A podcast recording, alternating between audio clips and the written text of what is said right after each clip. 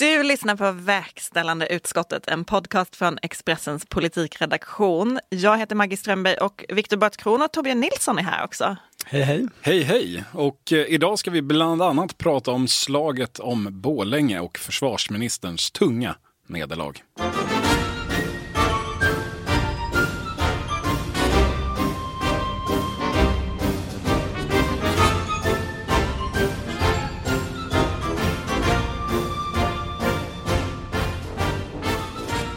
har ju varit en eh, intensiv vecka i svensk politik kan man säga. Den började så här.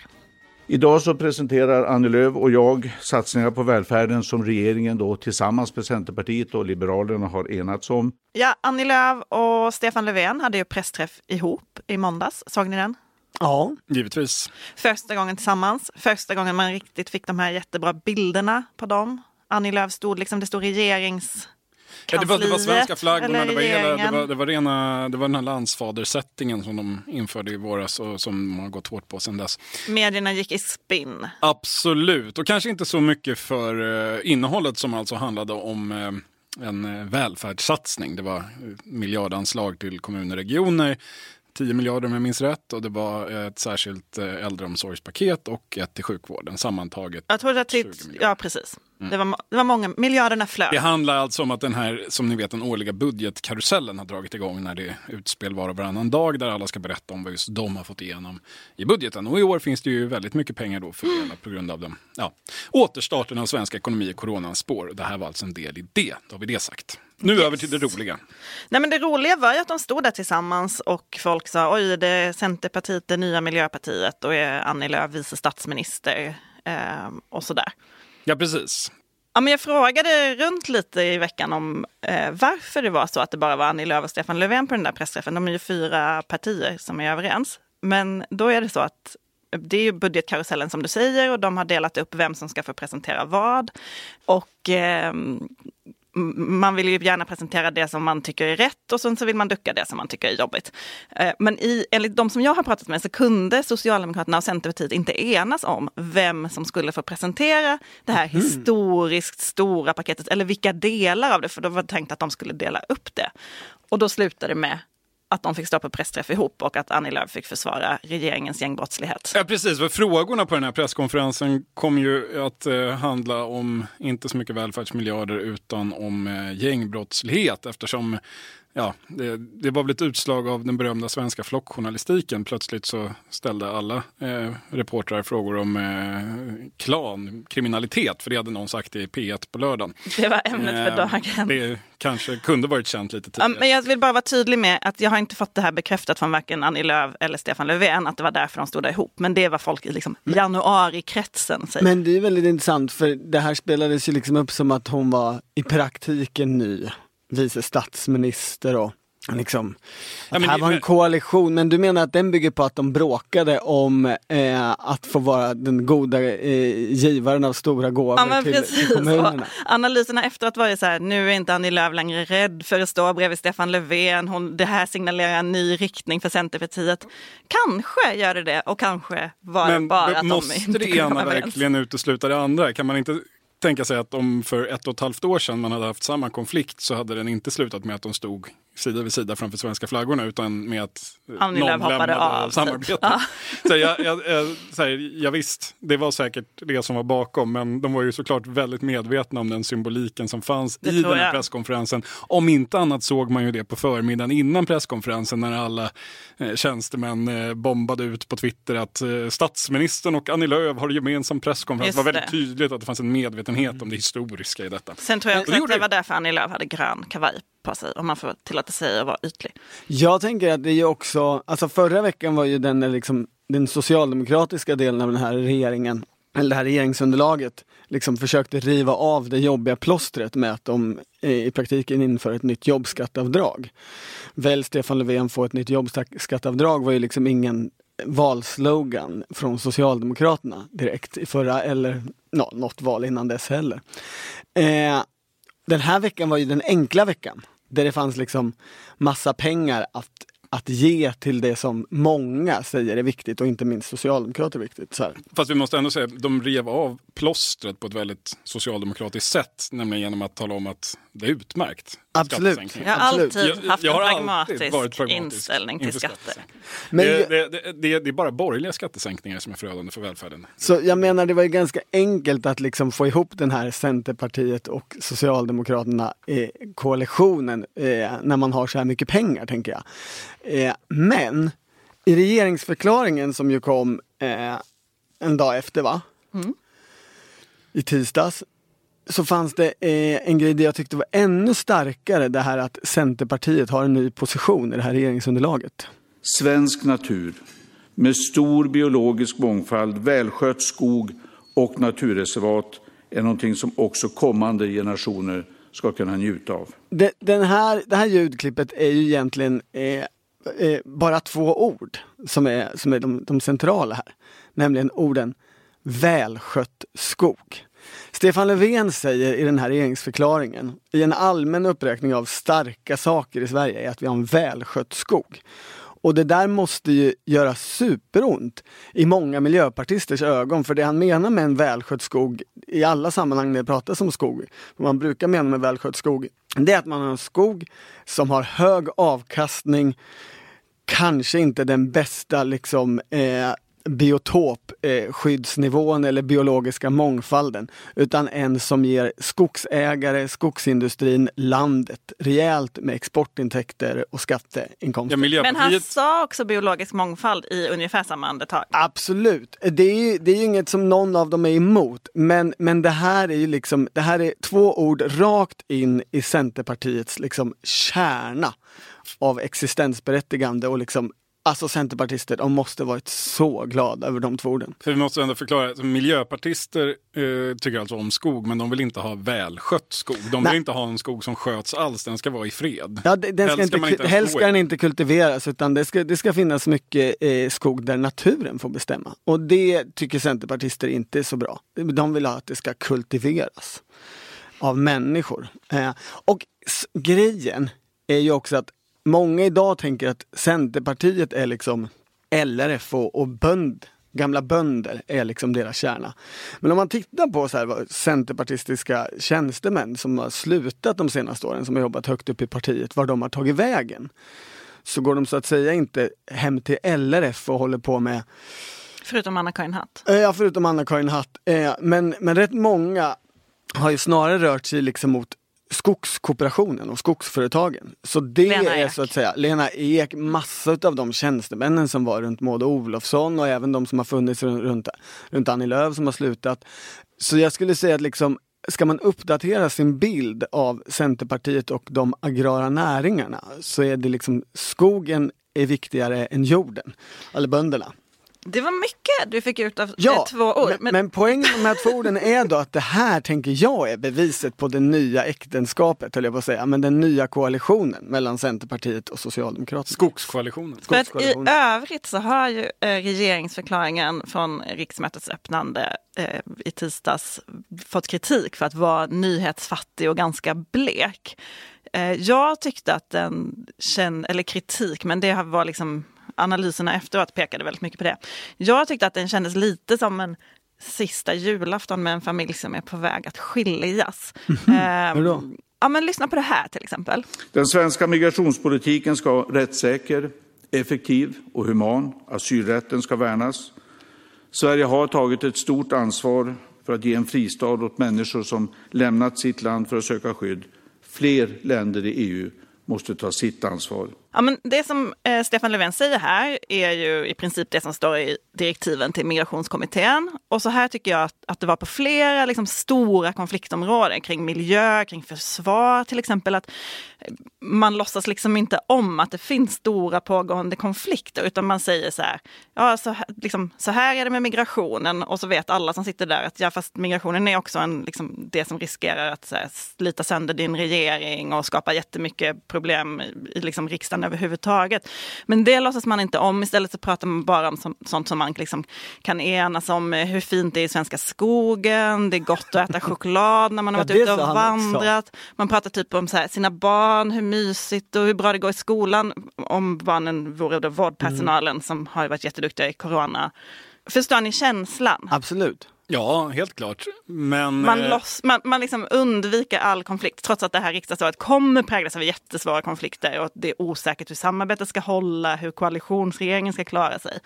Det fick man liksom ingen man fick inget starkt eh, försvar för det eller något offensivt som liksom visade på någon stark framtid. Nej det var ju verkligen ett tillfälle, alltså regeringsförklaringen är ett tillfälle att, att liksom sätta agendan för hösten.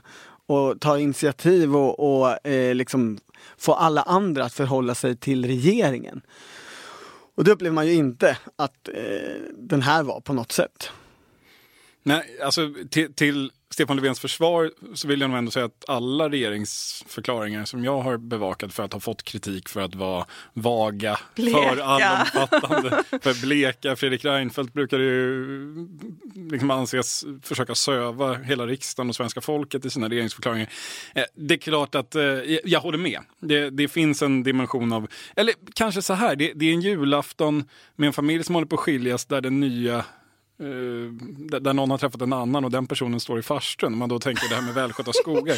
Alltså, det, känslan är ju, tycker jag ändå, att det här rör sig mot att bli en Socialdemokraterna och Centern-regering.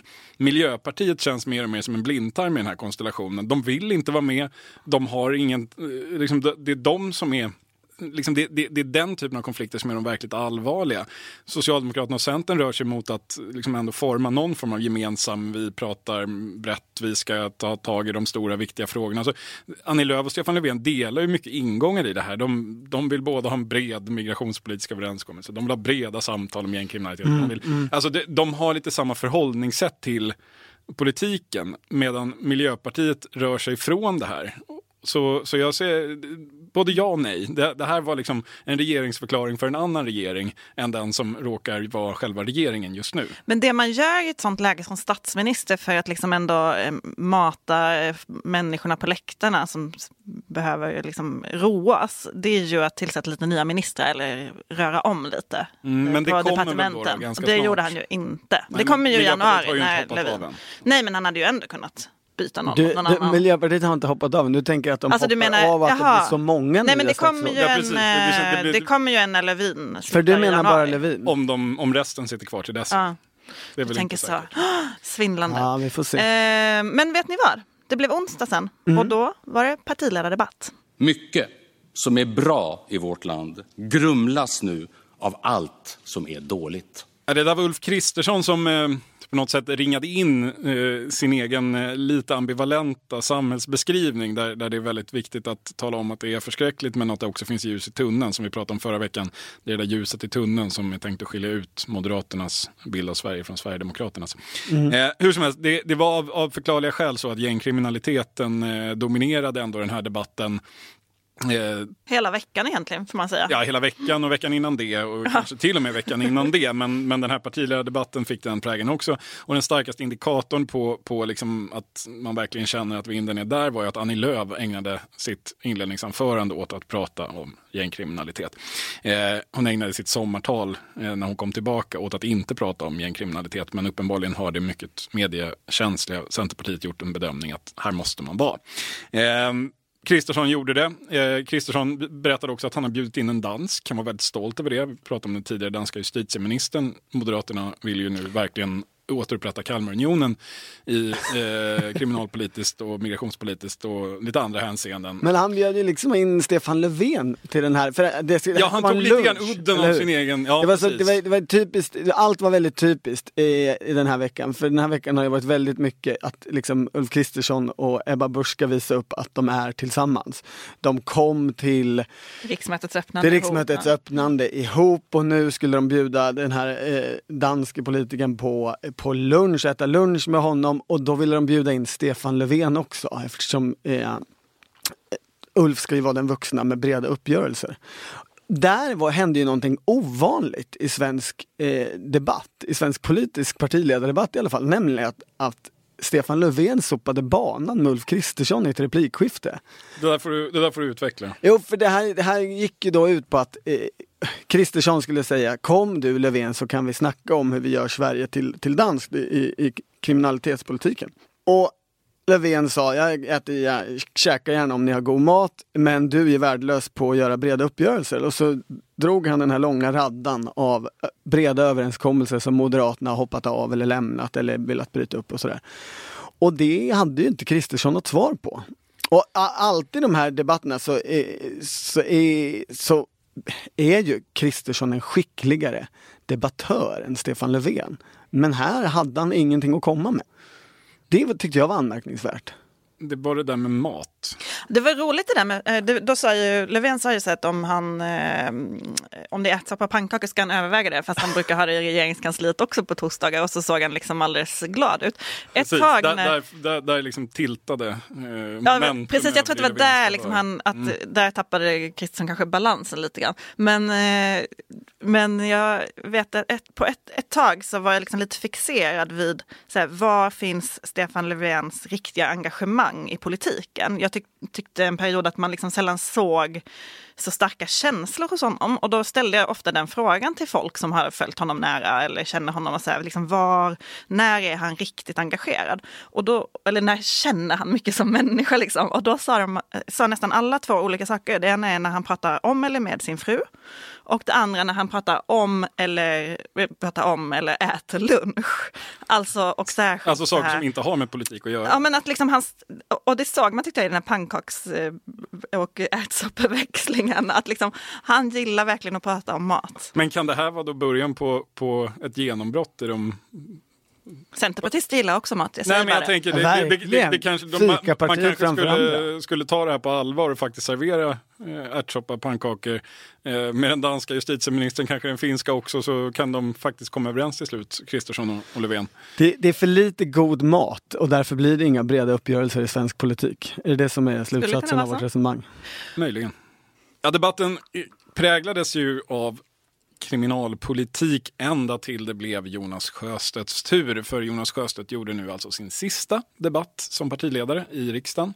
Och traditionsenligt så urartade då debatten i ett, ett stort kramkalas där alla, alla utom Jimmy Åkesson eh, tackade av Jonas Sjöstedt. För Jag fick höra sen faktiskt av eh, Daniel Ingmo, Expressens reporter på plats, att eh, Sjös, eh, Åkesson hade missat avtackningen för han var ute och gjorde intervjuer då. Han hade tänkt eh, tacka av honom och gav honom också en present som jag tror var reseböcker. Okej. Så att det var nog inte så demonstrativt som det, så, som det uppfattades. Intressant. Eh, hur som helst, det blev eh, stort, eh, st- stor god stämning i riksdagen och presentöverlämning. Supermysigt. Eh, allra mysigast väl mellan Stefan Löfven och Jonas Sjöstedt får man väl ändå säga. Eh, det var prat om att eh, Sjöstedt önskade sig att få Stefan Löfven och Ulla som grann Ja, sommarstuga. men också Ebba Busch som ville plocka bär med eh, Jonas Sjöstedt. tyckte det var jag också. Och berättade väldigt mycket natur. Sjöstedt hade passat, eh, Bir- eller Sjöstedt själv berättade att han hade pa- passat in, äldsta sonen Birger i eh, Aktuellt. Vad tycker ni om Slutet den, en den gång. här, Jag känner när jag tittar på reaktionen lite att den här traditionen eh, är en liten vattendelare. Vissa tycker väldigt om den, andra tycker att det är hemskt. Du syftar på att jag satt och, och nästan grät medan Torbjörn vred sig i plågor när vi såg debatten. Nu avslöjar du vårt förarbete. Eh, Nej, men den, ja, jag, ty- jag är ju en blödig karaktär men jag tycker att i, ibland så blir det här nej, snarast lite plågsamt när de ska tacka av varandra och, tycka, och berätta om hur fantastiskt det- de hur mycket de tycker om varandra egentligen och sådär. Det gör de ju och det är väl bra att det framkommer. Men en effekt möjligen som är positiv av det i det här fallet är att vi har ju varit inne på det många gånger förut. Jonas Sjöstedt som den egentliga mest populära svenska partiledaren. Så ser det ju inte ut i mätningar för, för, för där... Jo, senast förra ja, veckan. Hoppar han, han klev förbi Löfven. Han klev förbi. igen. Jag förstår, annars så brukar han ju liksom dras ner av att en hel del människor inte tycker att Vänsterpartiet har de bästa lösningarna på allt. Men, men den här stunden i riksdagen när han avtackades och alla hade lovorden så, att- så man kan ju inte sluta tänka tanken att så här, välj den där karln till statsminister då, som ni, så, så får vi se vad som händer. Och eftersom han är så bra, säger alla. Han är så mänsklig, han är så klok, han är så resonerande, han är så förståelig.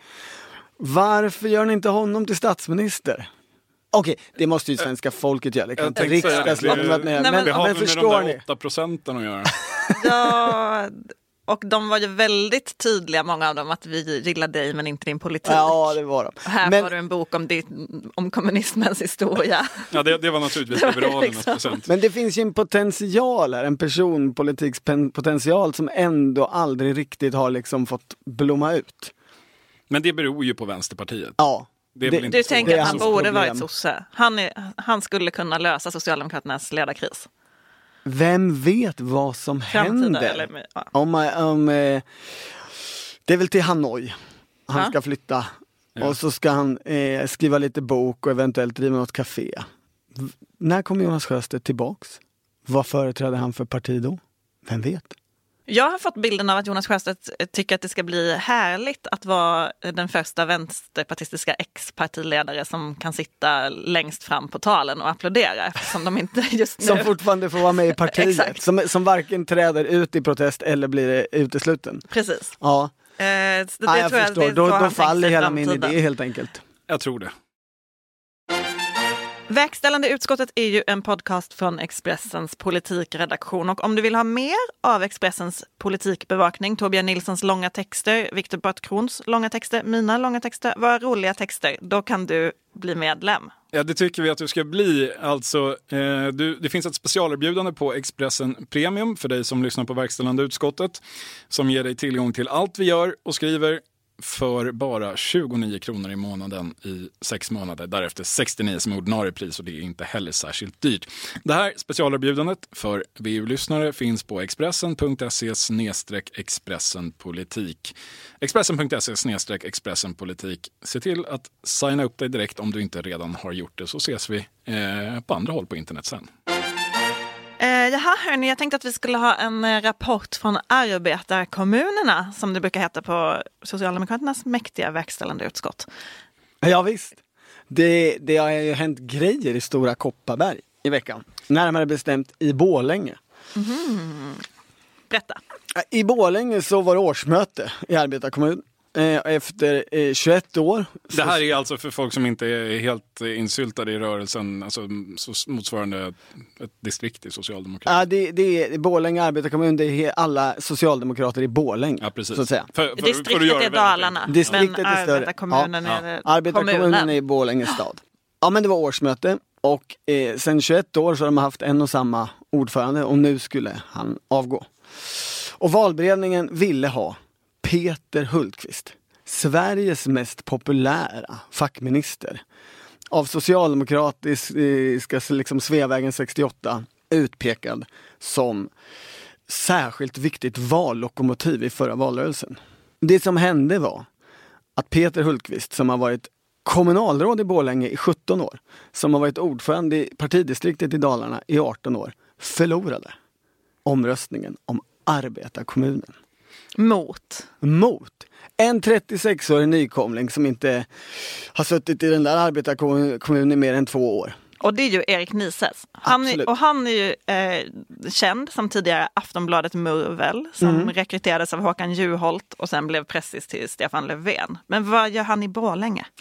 Jo men eh, Erik Nises kommer från Borlänge och har så att säga flyttat hem och det här gör historien lite extra spännande. Peter Hultqvist var ju som jag har beskrivit, har ju liksom är etablissemanget i Borlänge. Han eh, ingår i den där kretsen som har styrt, eh, det är hans bästa kompisar som har varit arbetarkommunens ordförande och det är hans bästa kompisar som har varit kommunalråd före och efter honom. Men Erik Nises är ingen outsider. Erik Nises är barnbarn till Börje Andersson. Så säger man i Borlänge upplever jag oftast om jag pratat med. Men i Sverige säger man ju Röde Börje.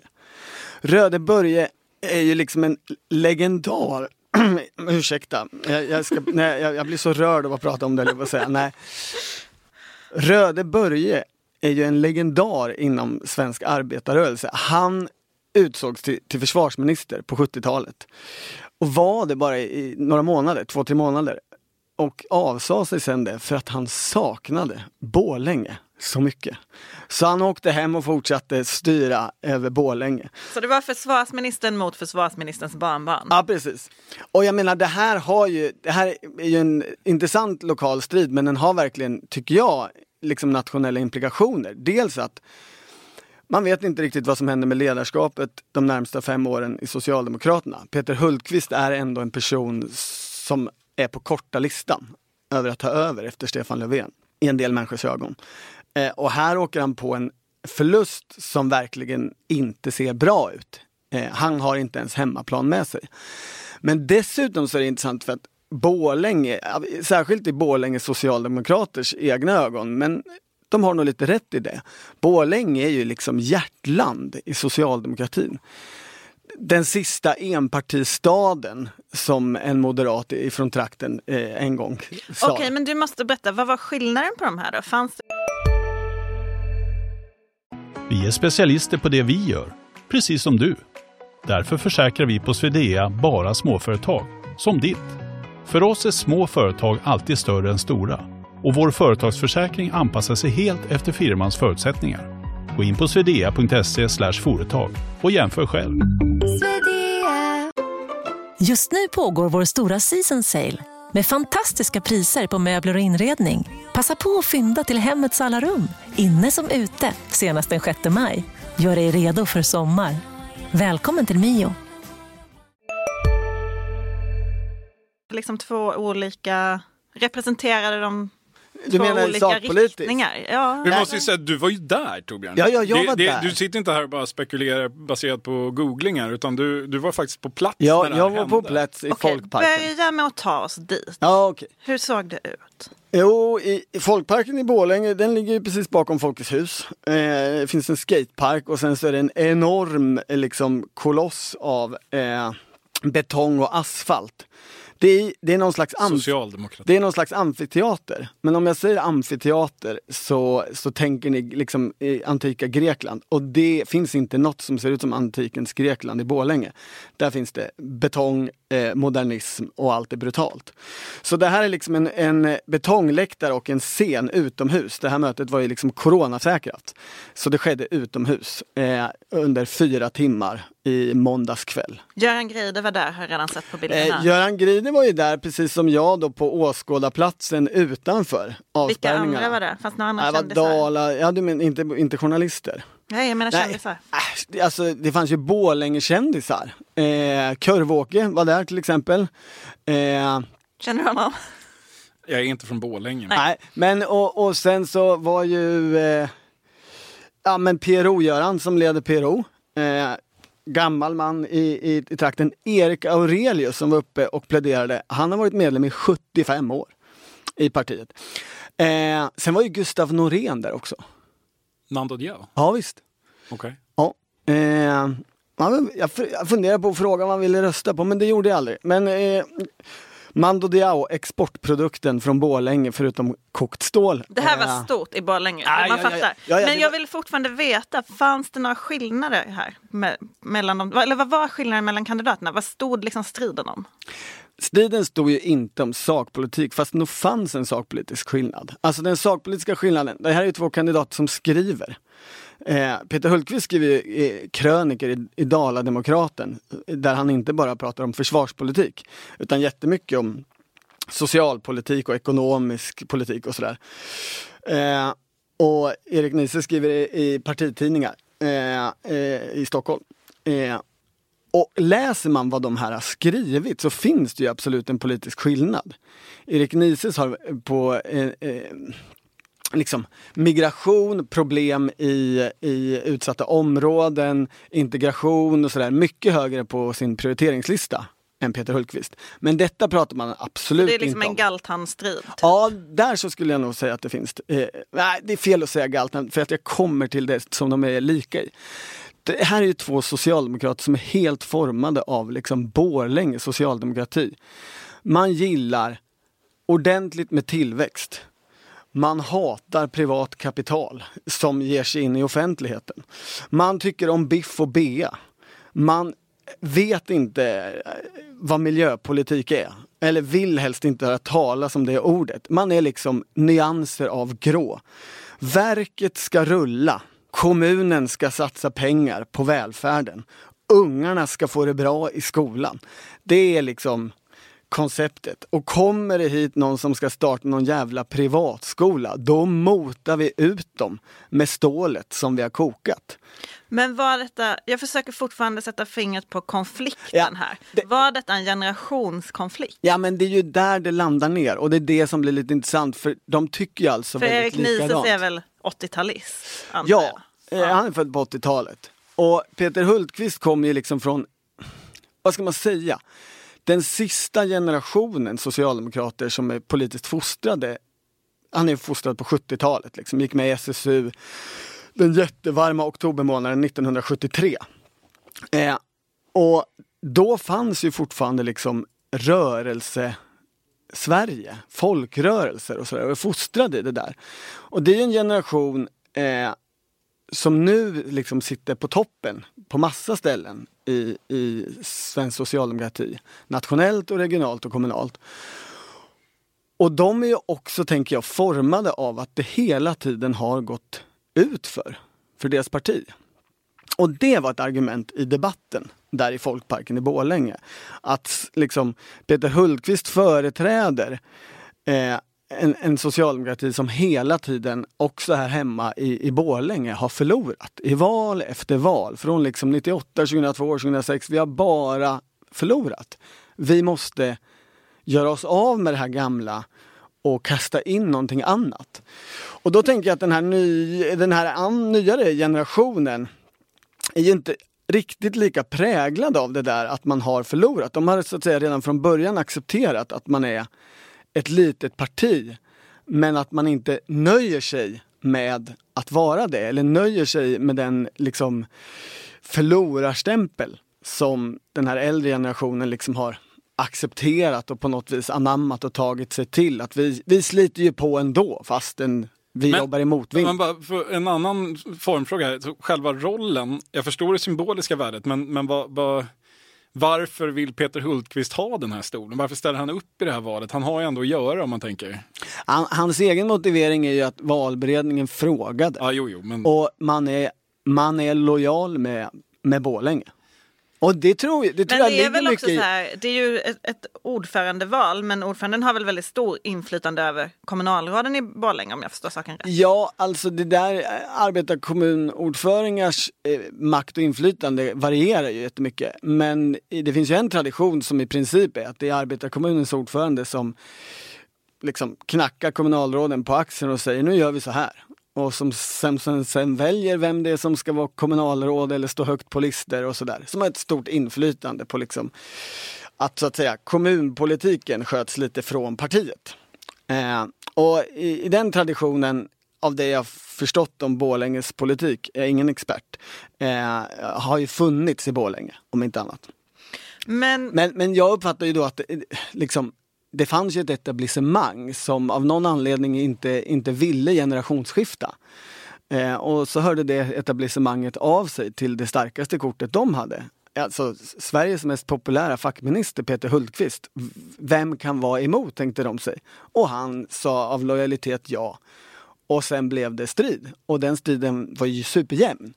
Jättejämna pläderingar. Otroligt laddad stämning i den här betongbunken. på vems sida är Göran Greider? Greider var ju ja, absolut på Peter Hultqvists sida. Alltså han, Greider, Han är också etablissemanget i detta. i Dalademokraten företrädde linjen att eh, man ska ha både och, kombinationen. Peter Hultqvist som ordförande, Erik Niese som vice ordförande, erfarenhet och förnyelse.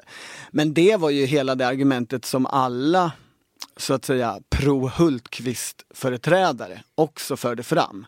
Det var ju så att säga, sitt still i båten, eh, gör inte revolution, eh, skäm inte ut Peter Hultqvist inför hela svenska folket, eh, sköt er. Eh, Amanda Sokolnitski, eh, som ju är ledar, chef för ledarredaktionen på Dagens Nyheter, hon frågade på Twitter här när jag sa att vi skulle prata om detta, ifall eh, Erik Nises är en färm-sosse. Daniel Färm, en, en tiden sosse som eh, har en an, liksom, annan syn på SD, eh, migrationspolitik. Det är jättekonstigt att göra Daniel Färm till företrädare för det där vill jag bara säga som en, som en liksom liten sak, men vi ska inte fastna i det. Ja, Erik Nises blev ju utsedd att vara chefredaktör på tiden. Eh, men sa av pe- personliga skäl eh, lämnade han det uppdraget. Men Eh, i sak, finns migrationsfrågan liksom med här? Absolut, ja absolut. Ja. Eh, jag uppfattar att eh, Erik Nises företräder en, en, en linje där eh, man ska ha en mycket restriktiv migrationspolitik där eh, med hårda tag eh, göra upp med problem i, i, i förorter och utsatta områden och sådär. Alltså, inget trams. Som Ulf Kristersson skulle. Otroligt lite miljöpartism. Så Kan- lite då miljöpartism så att det inte ändå- finns en promille i, i Erik Nises Och då politiska måste vi ändå kropp. landa i. Tror du att vi bör dra ut linjerna från Borlänge genom Bergslagen och vidare ut i Sverige? Förebådar det här någonting? Nej, men in, kanske inte i det här politiska innehållet. Jag menar, socialdemokratin är ju det där knappt ens kontroversiellt längre. Det, det tycker ju hela statsrådsberedningen är också Daniel Färm-sossar om det är det Men kanske revolten mot eh, det etablerade. Det är ju ganska, jag tror många människor som lyssnar på den här podden tänker det där låter inte särskilt socialdemokratiskt. Det brukar väl vara acklamation när man ska Ja, ja, i nej, det var otroligt otypiskt på det sättet. Nej, jag tror ju att vad man kanske inte till dagligdags tänker på är att Socialdemokraterna har regerat Sverige under ett lång tid nu. Stefan Löfven har varit partiledare i åtta år. Den här generationen, eh, Liksom, Hultqvist-generationen, sitter ju överallt och nu kommer ju de försvinna. Eh, antingen genom frivilliga avgångar, alltså eh, Lasse Stjernkvist i, i Norrköping, tungt, tungt kommunalråd i, i liksom Östergötland och socialdemokratin, eh, sa ju i veckan att han skulle sluta. Eh, mångårig KSO uppe i Sundsvall hade sagt samma sak. Frågan är ju, vad kommer efter det här? Och där tänker jag att det är ändå intressant att Stefan Löfven kommer med en regeringsförklaring och han gör inga ändringar i, i regeringens sammansättning överhuvudtaget det finns ju någonting här som mullrar under. Som är, vi nöjer oss inte med den här socialdemokratin som liksom får ihop att man regerar eh, men ständigt liksom sjunker och sjunker och eh, inte riktigt kan, eh, vågar eller har parlamentarisk möjlighet att ta itu med de samhällsproblem vi verkligen brinner för att göra någonting åt. Ojämlikhet och sådana här saker. Eh, och, och liksom, men den, ja, Frågan är ju så att säga om man generationsskiftar i lugn och ro. Och det tänker jag att man inte riktigt gör när man inte plockar in dem i, som statsråd till exempel. Jag har ett sammanträde i det här verkställande utskottet. Det innehåller ju punkten övriga frågor och idag har vi en diger lista. Hörni.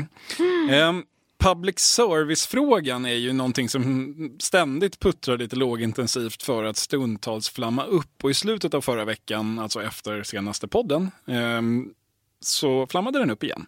Och det bland annat på grund av dig Maggie. Eller rättare sagt en intervju som du gjorde med Kristdemokraternas Ebba Busch. Ja, men där sa hon ju att hon, vi pratade mediepolitik och public service och hon, Kristdemokraterna vill ju eh, ge public service ett smalare uppdrag. Det ska kosta mindre, de ska koncentrera sig på nyheter och samhällsprogram och inte så mycket krimskrams eh, som de säger. Och då sa hon i den här intervjun att hon vill att det ska ske redan nästa mandatperiod ifall det blir ett regeringsskifte där hennes parti får bestämma. Eh, och det har hon ju pratat om förut. Eh, Det som jag tyckte var intressant var alla reaktioner jag fick av läsare efter att jag hade skrivit den där artikeln och publicerat den där intervjun. För att det var eh, flera pensionärer som mejlade mig och var jätte, jätteupprörda och jättebesvikna på Ebba Busch. Och var så här, hon ska ju företräda oss. Det är ju, Kristdemokraterna ska ju liksom bry sig mest om pensionärerna. Eh, och det var liksom, nu sitter vi här isolerade i corona och så ska hon ta bort nöjesprogrammen på tv. Ska ta bort Men- men- men förlåt. Ska jag behöva, ska jag behöva liksom betala för tv nu? Alltså folk var liksom... ehm, och då undrar jag, så här, undrar om, har Kristdemokraterna tänkt på de här personerna som tycker att det liksom, som har tvn som sin bästa vän eller radion som sin, sin, sin bästa vän och som liksom absolut vill ha, kanske inte datingprogram för hundar men väldigt mycket annan nöje. tycker det finns flera aspekter i det som, som gör att man kan fundera på hur pass genomtänkt det egentligen är att, att dra public service-frågan som ett sånt eh, kort som man gärna gör från det hållet. Alltså, det ena är ju det där med liksom den rena demografin, att eh, SVT och SR är mer populärt, eh, eller mer använt ju äldre upp du kommer i åldrarna och det är en tydlig målgrupp för särskilt Kristdemokraterna, även Sverigedemokraterna ska sägas. Eh, en annan sak är det, det är det här med förtroende. Man brukar ju, det, det upprepas eh, ofta som en, som en särskilt viktig faktor att högerväljare har mycket lägre förtroende för public service numera än vad vänsterväljare har. Och det är sant, men det är fortfarande så att förtroendet är ganska starkt även bland högerväljare. Alltså sent som i förtroendebarometern i år, 2020, så är alltså en majoritet av Moderaternas och Kristdemokraternas väljare har förtroende för SVT och SR. Eh, det är, Sverigedemokraterna ligger betydligt lägre, det är dryg tredjedel som har det där då, eller runt en tredjedel. Eh, så, så det, det talar inte för att det finns någon ocean av, av missnöje att ösa ur som man inte redan har fångat. Så rent valtaktiskt så är det lite tveksamt. Och sen den tredje aspekten är väl om man nu verkligen tycker att svenska värderingar och sammanhållning i samhället är så pass viktigt som, ehm, eh, som man gärna framhåller från Kristdemokraternas sida. Hur, eh, jag vet att det här är känsligt eftersom det lätt blir en diskussion om vad man gör i Ungern och Polen. Men ska man vara krass, finns det något bättre sätt att stärka de, den svenska sammanhållningen, kulturen och värderingarna än genom det som brukar kallas för krimskrams i SVT? Jag är tveksam till det. Eh, Nej, men Lars Trädgård Det brukar lyfta fram Krimskrams är alltså. Melodifestivalen. Ja, till exempel. Och vad, vad mer i det lilla språkområdet Sverige är liksom en sammanhållande och kulturskapande sak än Melodifestivalen? Jag vet inte riktigt. Men Lars Trädgård, historikern, brukar väl framhålla att det fanns tre saker som byggde liksom, den svenska sammanhållningen. Eh, och att högern har liksom gett sig på allihopa då. Han sa det här bland annat på ett integrationspolitiskt seminarium som Moderaterna arrangerade. Det blev väldigt tyst i rummet. Eh, och det handlar då om eh, den allmänna värnplikten, enhetsskolan och public service. Att eh, vill man på, på allvar återupprätta någon slags eh, svensk värderings, eh, något svenskt värderingskluster så är, så är public service eh, svårfrånkomligt. Eh, det är inte ett inlägg i debatten, det är bara en, liksom en, eh, ett litet ifrågasättande av det som gärna framhålls att den här public service-frågan är någon slags trumfkort för högersidan. Jag är inte alls säker på det om man tittar på det rent eh, inför ett val. Ja, Maggie, du var ju verkligen i farten förra veckan. Du intervjuade inte bara Ebba Busch utan du intervjuade flera partiledare och däribland statsminister Stefan Löfven. Och där brände det till lite när du nämnde Aftonbladets ledarsida. Idag får du ju kritik till och med på socialdemokratiska Aftonbladets ledarsida som skriver att just nu är upplevelsen att regeringen inte lyssnar, de verkar sova. V vad säger du om det? Ja, jag vet inte om man har somnat själv på redaktionen. Men att eh, påstå att ingenting görs, eh, det är faktiskt eh, förbannad eh, lögn och dikt. Han blev ju eh, upprörd på Aftonbladets ledarsida. Det var, då, Ja, det det var är faktiskt, sällan man ser eh, honom brinna till på det viset. Nej, men han, det var faktiskt då han blev argast i eh, intervjun och då känner man ju i stunden som kvällstidningsreporter bara Yes, äntligen en rubrik. Eh, men eh, det var, så var det. Och eh, vi ringde upp Anders Lindberg, Aftonbladets politiska chefredaktör. Och han svarade ju på det här att han tror att Stefan Löfven kanske borde bli mer arg på gängen än på Aftonbladet. Och sen skrev han en, en ledare några dagar senare där han skrev att, i rubriken att Stefan Löfven bör svära mindre och lyssna mer. Och på det svarade Stefan Löfven så här. Om ni ursäktar mig så är det här en sju jäkla satsning på välfärden. Ja, men, och han svarade alltså med en eh, svordom, eh, relativt mild, men som ändå blev rubrik över En i- extremt, extremt eh, ospontan spontanitet där. Det var, Ja. var väldigt tydligt. Det, det hade varit mer trovärdigt om, om partikadrerna hade väntat åtminstone någon minut med de här färdigtryckta digitala flygbladen om en sjujäkla satsning. Det, det var, Men i här, alla har man, här har fall. man testat ut. Hur, Han- hur, hur funkar Löfven eh, som en man av folket? Jag tror också att det var någonting med just eh, sju, låter ju bra på Stefan Löfvens eh, dialekt, att det, var någon, det var genomtänkt på många nivåer. Men det där får ju en ändå undra, hur är relationen mellan Aftonbladets ledarsida, 68, regeringskansliet egentligen? Men vi har väl varit inne på det förut och nästan i den här eh, långa Borlänge-stridsdiskussionen. Folk tror ju ofta att eh, Aftonbladets ledarsida liksom skriver saker för att det blir för att göra Sveavägen 68 eller statsrådsberedningen nöjd eller att de liksom ingår i någon slags tandem där. Det, ingenting kunde väl vara mer fel. Alltså man har ju en viss förståelse för Stefan Löfven att han blir irriterad därför... Alltså, folk runt Stefan Löfven uppfattar jag, hans medarbetare och så här, har typ inte brytt sig om någonting annat än liksom brottsligheten eh, och de problemen i så här, tre år. Pratat om det jämt när man pratar bakgrundssamtal med dem och liksom, ja, det, det, är deras värld. Under den, och liksom migrationsproblemen som finns i, i och kring det. Så här. Och samtidigt har Aftonbladets ledarsida med Anders Lindberg i spetsen sagt sluta prata om migrationen och allt sånt här tjafs. Prata om välfärden. Och sen kommer då Aftonbladets ledarsida och säger till Stefan Löfven, ni gör ju ingenting åt brottsligheten. Alltså det... det, det... Så det stämmer inte, skulle du säga att, att eh, Aftonbladets ledarsida skriver det som Stefan Löfvens folk vill? Nej, nej, verkligen inte. Alltså saken är att många, många liksom, socialdemokrater i ledande positioner avskyr Aftonbladets ledarsida mer än någonting annat. Det är ju ett superstort krig som har pågått i liksom, jag vet inte, evigheter. Sen innan Anders Lindberg blev ansvarig på ledarsidan skulle jag säga. Att folk tror det är så himla konstigt. För i den interna socialdemokratiska diskussionen är ju liksom i, i mångas ögon Aftonbladets ledarsida och dess positioner paria. Helt enkelt. Ja, men det, beror, det, det beror delvis på att de har ju inte varit en reellt social... Alltså man tittar på, på, alltså jag förstår ju delvis frustrationen i socialdemokratiska partiet. Om man tittar på ledarsidor runt om i Sverige så är det ju en hög grad, eh, kanske inte kan säga borgerliga längre, men åtminstone liberala. Det, det är ju ändå en kraftfull övervikt för, för en eh, slags allmän folkpartism bland svenska ledarsidor. Eh, det finns egentligen en stor liksom, tidning som har en socialdemokratisk ledarsida då enligt stadgen och det är ju Aftonbladet. och så har den vägrat följa med dit, dit partiet har gått de senaste som du är inne på. Ja, jo, men så Tre, fyra, fem åren. Ja. Utan snarare blivit en de facto vänsterpartistisk ledarsida som har kritiserat Socialdemokraterna från vänster. Dels i den ekonomiska politiken, det kan man nog leva med, men, men, att, eh, men att man har dem efter sig när man försöker att kalibrera om eh, sin, sin syn på migration, integration och kriminalitet har nog smärtat mer. Och sen, och sen kommer de nu och springer om på insidan och byter fot och, och kritiserar från andra hållet. Och, ja, man får väl ha viss förståelse för att Löfven eh, tog till en liten svordom där kanske. Jag vet inte om man skulle kalla dem vänsterpartistisk, men okej. Eh, men, men i övrigt så, så ja, köper jag hela beskrivningen.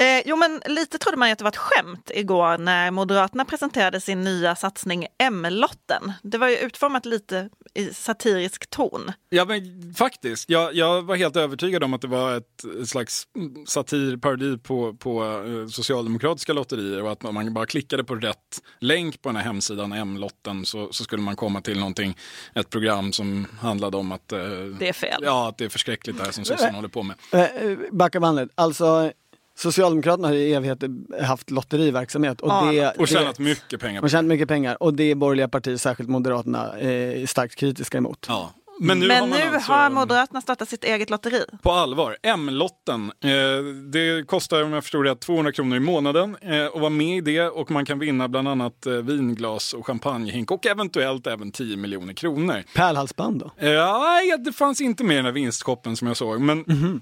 Men det, det, det här att man kan eventuellt vinna 10 miljoner, det kändes ganska optimistiskt för det bygger på att de säljer ganska många sådana här M-lotter. Vad tror ni? Finns det, ser ni potential för, för Eh, eh, Jag såg att eh, Skånes regionråd Carl-Johan Sonesson la ut reklam för detta igår. Mm. Ganska motvilligt och skrev med en skånsk flagga. Han skrev så här, jag har accepterat, detta är inte ett ordagrant citat, men typ så här, jag har accepterat att liksom sprida det här mot löfte att om ni köper lotter så kommer Skåne bli viktigare för Moderaterna i riksdagen. Då kommer de driva skånska så frågor. Plötsligt var det regionalpolitik, partiregionalpolitik. Ja. Alltså, på ett sätt måste man ändå säga, alltså, jag, jag, kan, jag kan känna en viss jag kan känna sympati med Carl-Johan Sonessons motvilja. För det kan inte vara lätt att efter att ha hånat Socialdemokraterna för deras lotterier i vadå, 50 år så ska man nu bli en sån själv. Å andra sidan så finns det väl något uppfriskande i att istället för att bara klaga på allt som, som andra gör så, så prövar man lyckan själv. Jag vet inte. Det... Ja, men de håller på mycket med argumentet att vi måste få en större krigskassa. Mm. Särskilt Tobias Billström driver det, använder det ordet. Vi måste få en större krigskassa. Vi kan inte ha en motståndare, alltså Socialdemokraterna, som har en större krigskassa. Jag tänker, och det det ligger väl kanske något i det. Det har väl aldrig historiskt varit något problem med, med cash flow in i Moderaterna. Eh, I vilket fall vad det visar, är inte det att det, de är ganska svaga på det här med förankring? Alltså den här eh, lanseringen för att skaffa mer pengar till föreningen, till Moderaterna, alltså en organisatorisk grej, innebär ju en, en kraftig positionsförflyttning i, i, i synen på det här med om föreningar, politiska föreningar ska bedriva den här sortens verksamhet. Och jättemånga moderater har ju uttryckt vämjelse eh, mot den här lanseringen och liksom mot att partiet gör det här. Uppenbarligen har de överhuvudtaget inte liksom varit involverade eller fått veta att vi kommer göra det här. Eh, vi tycker att vi behöver det här och vi behöver de här pengarna så därför måste vi göra den här insatsen.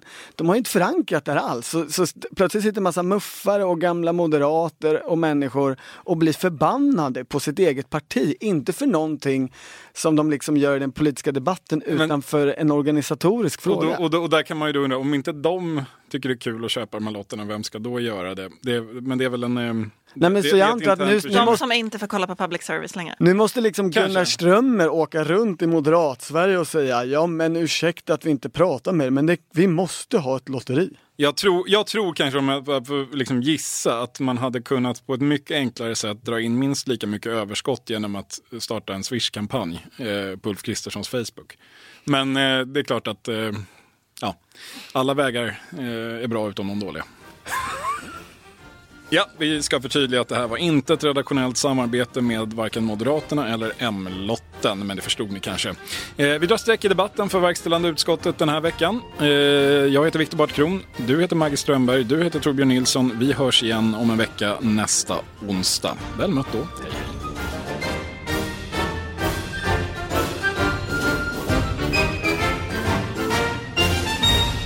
Du har lyssnat på en podcast från Expressen. Ansvarig utgivare är Klas Granström. Hej, Synoptik här.